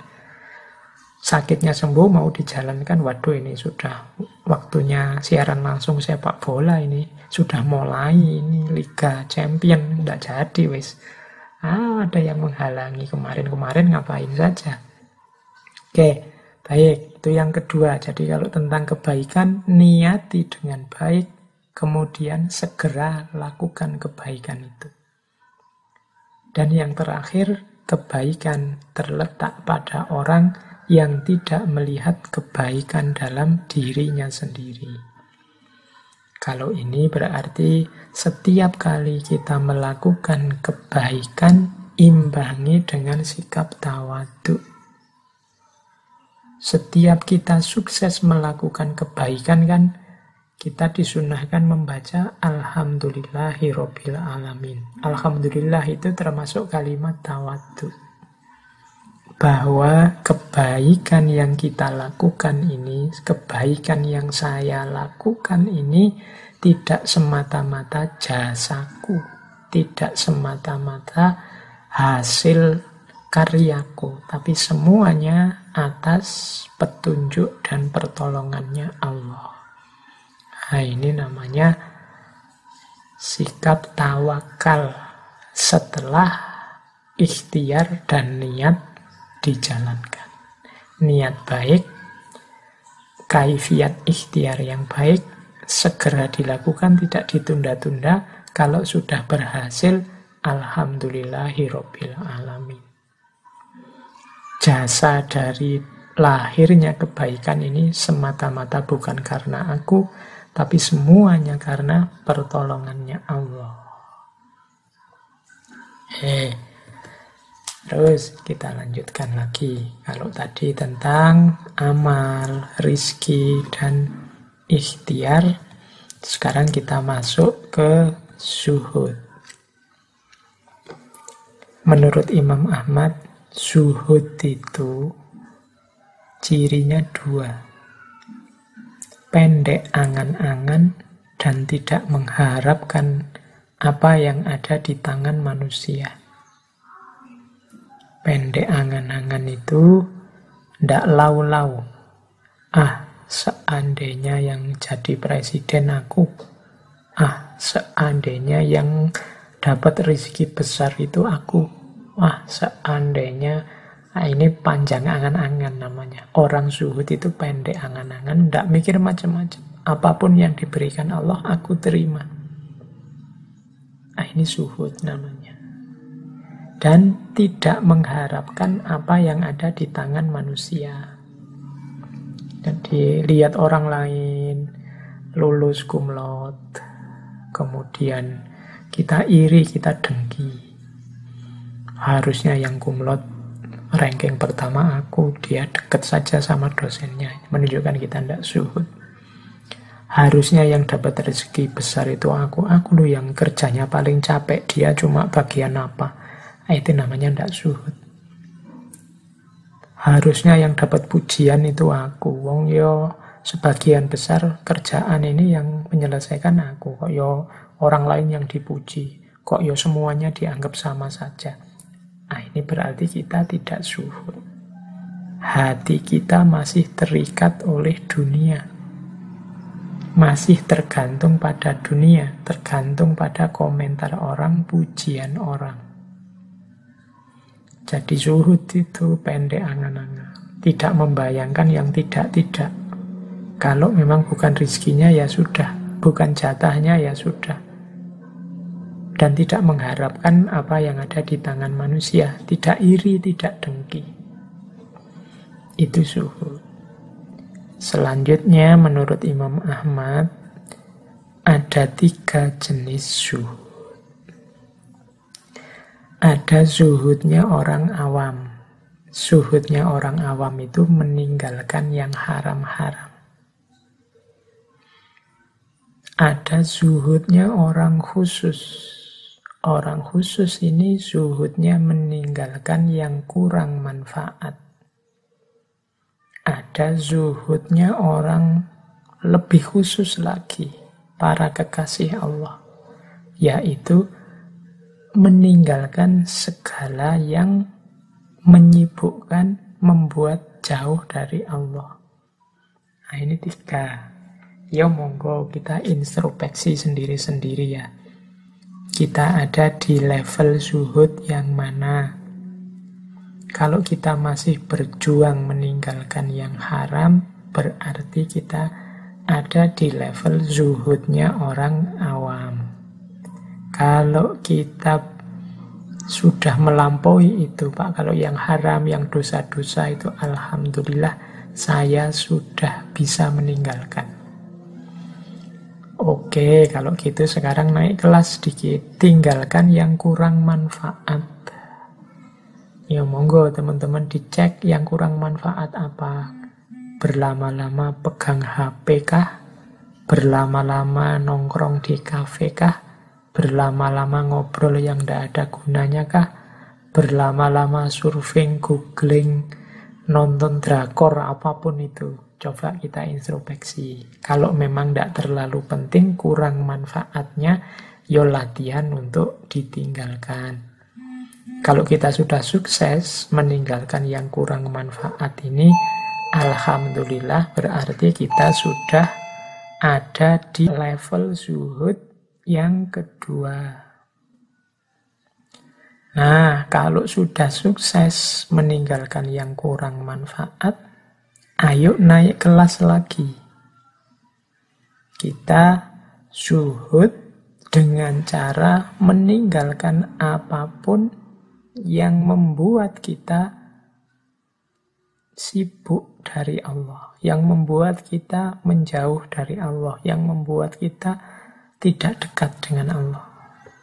Jadi kesibukan kita hanya tentang Allah dan untuk Allah saja. Nah, ini berarti orang yang sudah suhud level tertinggi. Orang-orang yang dekat dan mengenal Allah. Nah ini ini nasihat dari Imam Ahmad yang sekaligus sudah beliau lakukan sendiri seperti yang disampaikan oleh guru beliau Imam Syafi'i. Imam Ahmad itu salah seorang gurunya, imamnya orang suhud. Berarti Imam Ahmad sudah nyampe level kesibukannya hanya tentang Allah dan untuk Allah saja. Baik, kita lanjutkan. Nah, ada lagi nasihat dari Imam Ahmad kepada seseorang yang menurut saya penting untuk kita. Jadi, suatu ketika ada orang datang kepada Imam Ahmad minta diberi nasihat. Imam Ahmad memberi nasihat begini. Jadi Imam Ahmad tidak memberi teori macam-macam. Imam Ahmad hanya mengulang, menegaskan keyakinan orang ini selama ini. Sebenarnya ini juga kepada kita, menyinggung kita selama ini. Karena kadang-kadang kita itu ngerti semua teori tentang kebaikan, hanya saja kita tidak pernah mau dan tidak pernah menyempatkan diri untuk menjalankannya, merenungkannya, dan lain sebagainya. Maka Imam Ahmad isi nasihatnya begini pada orang ini. Jika Allah Azza wa Jalla menanggung rizki, maka mengapa engkau khawatir? Jika ganti dari Allah itu benar, maka mengapa engkau bakhil? Jika surga itu benar adanya, mengapa engkau bersantai? Jika neraka itu benar adanya, mengapa engkau bermaksiat? Jika pertanyaan mungkar dan nakir itu benar adanya, Mengapa engkau senang dengan kehidupan dunia? Jika dunia itu fana, mengapa engkau merasa tenang? Jika hisap itu benar, mengapa engkau banyak mengumpulkan harta, bukannya mengumpulkan amal? Dan jika segala sesuatu itu sudah ditakdirkan oleh Allah Azza wa Jalla, mengapa engkau takut? Nah ini nasihat sekaligus sindiran kepada kita yang disampaikan oleh Imam Ahmad ini kan semuanya sebenarnya kita sudah tahu, kita sudah mengerti, hanya saja kita tidak pernah secara serius menghidupkan pengetahuan dan keyakinan itu dalam keseharian kita. Kita ngerti kok kalau rezeki itu sudah ditanggung oleh Allah. Tapi coba berapa kali kita khawatir, berapa kali kita takut tentang rizki. Kalau ditanya orang, rizki itu kan sudah dibagi toh. Jawabannya kita mesti iya. Allah lah yang menetapkan rizki setiap makhluknya. Jangankan manusia, hewan pun, apa pun makhluknya Allah, semuanya sudah ada jatah rizkinya. Katanya Imam Ahmad, lah kok engkau khawatir? Kalau sudah yakin Allah yang menanggung rizki, ya seharusnya engkau tenang. Bekerja semaksimal mungkin sesuai bidangnya masing-masing. Apa pun hasilnya, apa pun rizkinya, diterima. Berarti itu jatahnya. Apa pun yang kita lakukan, ya sudah itu jatahnya. Karena rizki sudah ditanggung oleh Allah. Eh, lu kalau begitu, kalau kita tidak bekerja juga rezeki akan datang, Pak. Mungkin, tapi ketika kita tidak bekerja, tidak melakukan apa-apa, ada yang kita langgar. Sunnatullah dan perintahnya Allah, juga tuntunan Rasulullah. Untuk bekerja, bahkan menurut Rasulullah itu, daripada engkau minta-minta, ambil kapak dari rumahmu, untuk motong kayu itu kan berarti bekerja itu sesuatu yang wajib. Tidak boleh kita diam saja. Jadi seakan dua hal yang berbeda, kerja dengan rizki. Kalau rizki sudah ditanggung Allah. Kalau kerja itu kewajiban kita. Jadi jalankan rizki sebaik mungkin, setelah itu pas. Eh jalankan kerja sebaik mungkin, setelah itu rizki dari Allah akan datang. Yang kedua, jika ganti dari Allah itu benar, maka mengapa engkau bakhil? Ini sindiran juga buat kita. Al-Quran itu secara tegas menyatakan barang siapa berinfak, barang siapa bersotakoh, Allah akan memberinya, membalasnya dengan berkali lipat. Dan kita sebenarnya juga percaya logika ini. Tapi mengapa kok kita masih bahil?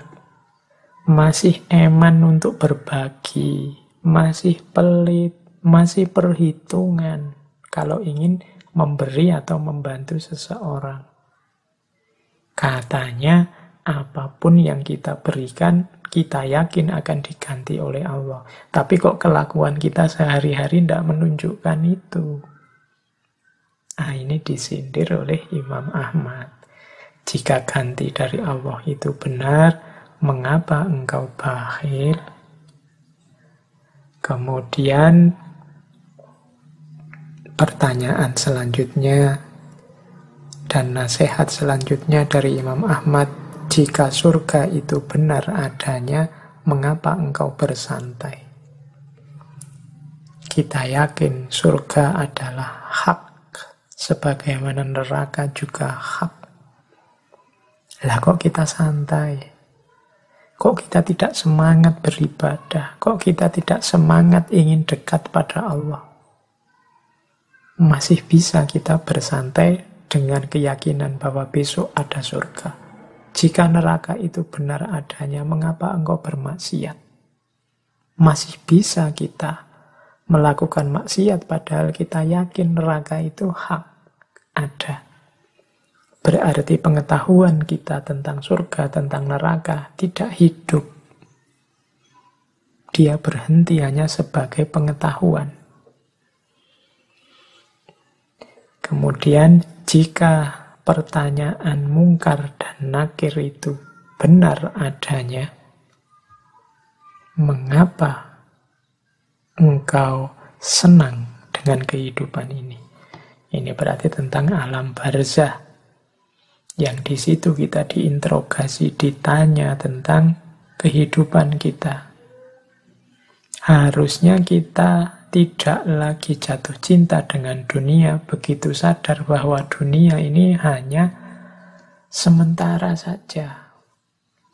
Nanti segala kelakuan kita di muka bumi akan ditanyakan, akan dihisap, akan dibalas. Jika dunia itu fana, mengapa engkau tenang?